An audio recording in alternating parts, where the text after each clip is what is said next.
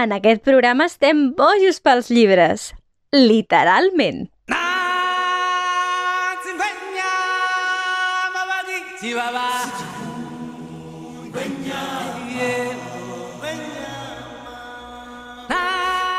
Benvinguts a benving- benvinguts a la nova temporada de Literalment. Espero a aquesta temporada n'hi ha moltes novetats, però eh, novetats si de contar contes i ja ho, ho anireu escoltant durant la temporada i eh, bueno, és la, la, única, la única novetat i, bueno, i, i espero que ens escolteu i que i ens ho passarem molt bé.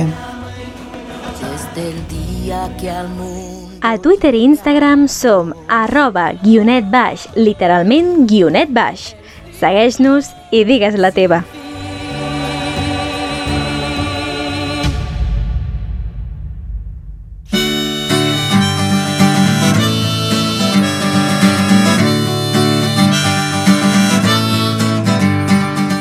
Tot seguit, parlem amb l'Albert. Parlem d'històries, parlem de literatura, parlem de relats.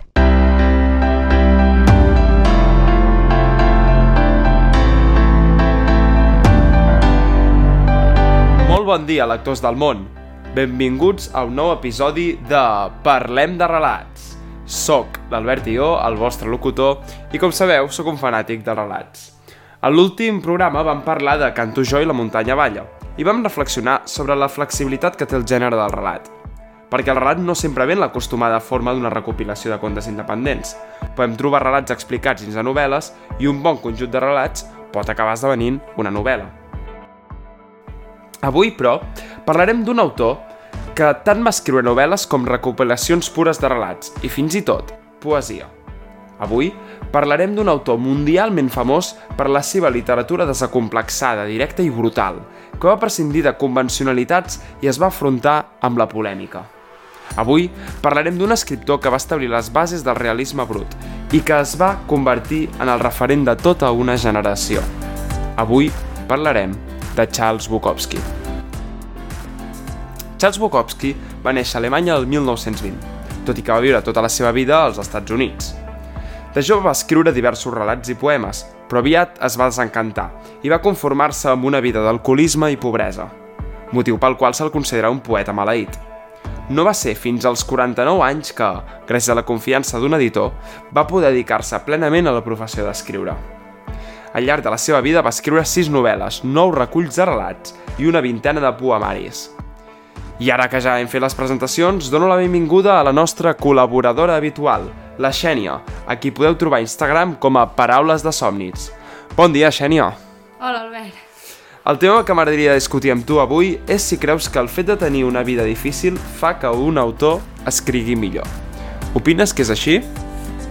Ua, Ara mateix no sabria què dir-te, però sí que ja vam parlar, per exemple, de l'Edgar Allan Poe, crec que era, Correcte. que també va tenir una vida així molt difícil.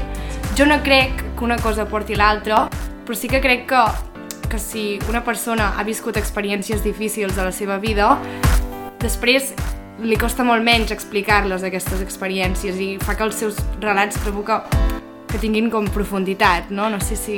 Potser pot tractar com costats de l'ànima humana més foscos o més dolorosos que d'altra manera no podries conèixer. exacte, Si has sentit el dolor... Clar, aquestes persones, sobretot aquests escriptors que han tingut una vida miserable, una vida sobretot amb alcoholisme i així, han viscut una part que molta gent a la vida no, no arribarà a conèixer i, per tant, són capaços d'explicar aquestes històries. Sí, sí, potser la conclusió que podíem treure és que les condicions més difícils la l'ànima humana doncs, pot treure coses velles, fins i tot això, no? Quan té tot, tot en contra. Sí, sí. Doncs bé, uh, fins aquí el Parlem de relats d'avui. Al proper programa encara anirem més enrere en el temps i parlarem d'uns germans de conte. Si els voleu conèixer, escolteu-nos el mes que ve. Mentrestant, cuideu-vos molt i llegiu molt, que és molt sa. I si poden ser relats, millor. A, A reveure!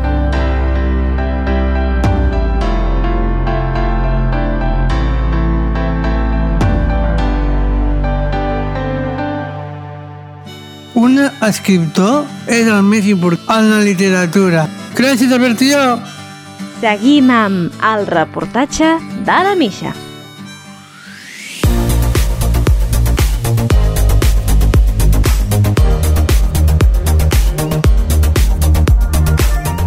Hola, hola! Aquí la Misha amb el reportatge.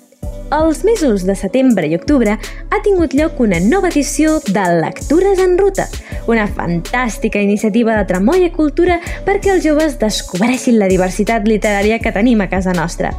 Jo vaig poder formar part de la primera edició fa uns anys i em va encantar. Com haurà anat aquest 2021?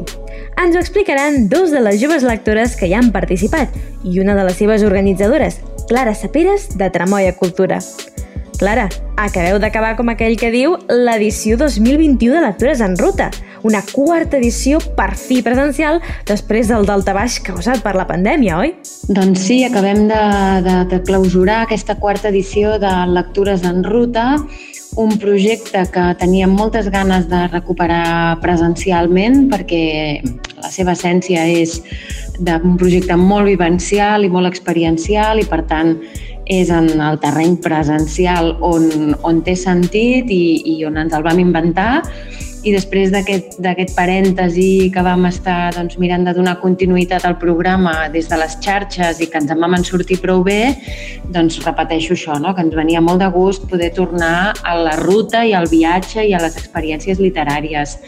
I això és el que hem fet durant aquests mesos de setembre-octubre, en aquesta quarta edició, en la que com a novetats hem incorporat territoris que encara no havíem explorat, com és el cas, per exemple, de Mallorca, que hem pogut descobrir la vessant més literària d'aquesta illa i del seu patrimoni eh, literari, que és molt ric, i també hem abordat altres formats de literatura, no? Una mica hem tocat temes de literatura gràfica, de literatura transmèdia, tot això dins de les activitats que ja acostumen a, a ser les habituals o les esperades de lectures en ruta, que totes elles doncs, tenen aquesta voluntat de permetre a la gent jove de viure a la literatura en primera persona, de conèixer el sector literari català, emergent, eh, consolidat, clàssic, o sigui, una mica de recórrer la literatura a través de l'experiència, com hem anat dient, i sobretot de la descoberta del territori.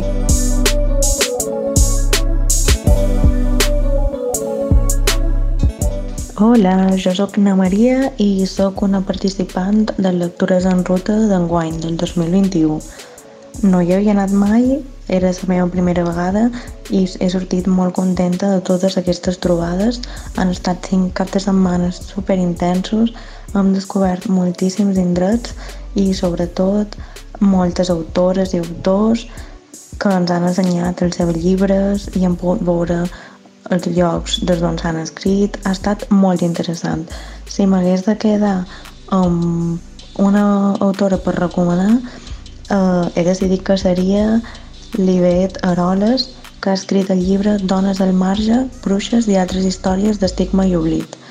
Um, tracta de dones que han estat perseguides durant la història i que ho segueixen estant i recomano moltíssim el llibre i l'autora i si teniu ocasió de participar en lectures en ruta, no ho dubteu perquè ha estat una experiència super interessant.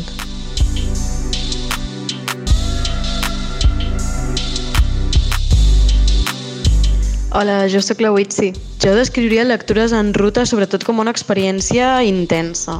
No només per la quantitat d'activitats que vam fer en molt poc temps, sinó també intensa en emocions, en, en descobertes no? de, de llocs i de, i de llibres nous i també com un boníssim lloc per trobar eh, gent jove amb qui compartir el, el plaer de llegir. A part, esclar, de, de, de ser una escoberta del territori català en clau literària i, i també una oportunitat de conèixer tota aquesta gent que, que fa possible que una cosa tan especial com que un llibre a les teves mans sigui possible, no? de, des de l'autor fins a l'editorial, passant per les llibreries, les distribuïdores, i ha estat, ha estat apassionant realment.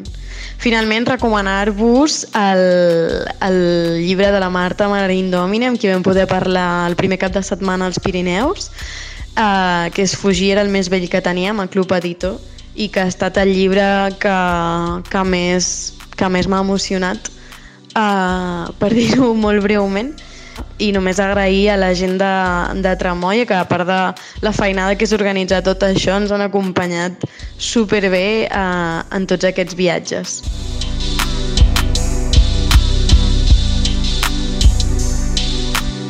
Moltes gràcies pels vostres testimonis, noies. I Clara, en poques paraules, com valores el Lectures en Ruta 2021? Tanquem aquesta quarta edició molt contents, eh, creiem que els joves i les joves que hi han participat s'emporten una experiència inoblidable a les seves motxilles i ja estem pensant en l'edició 2022, que serà la del cinquè aniversari i que esperem poder-la fer ben grossa. Moltes gràcies. No ens ho perdrem. Moltes felicitats i fins a la propera. Adéu!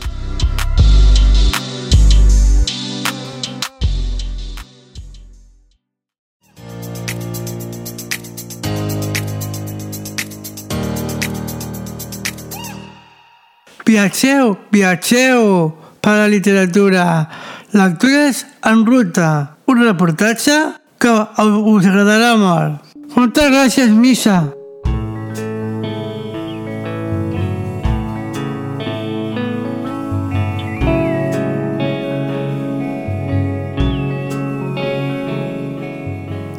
Espero que us hagi agradat el programa d'avui i moltes gràcies als nostres col·laboradors. Fins un altre. Gràcies.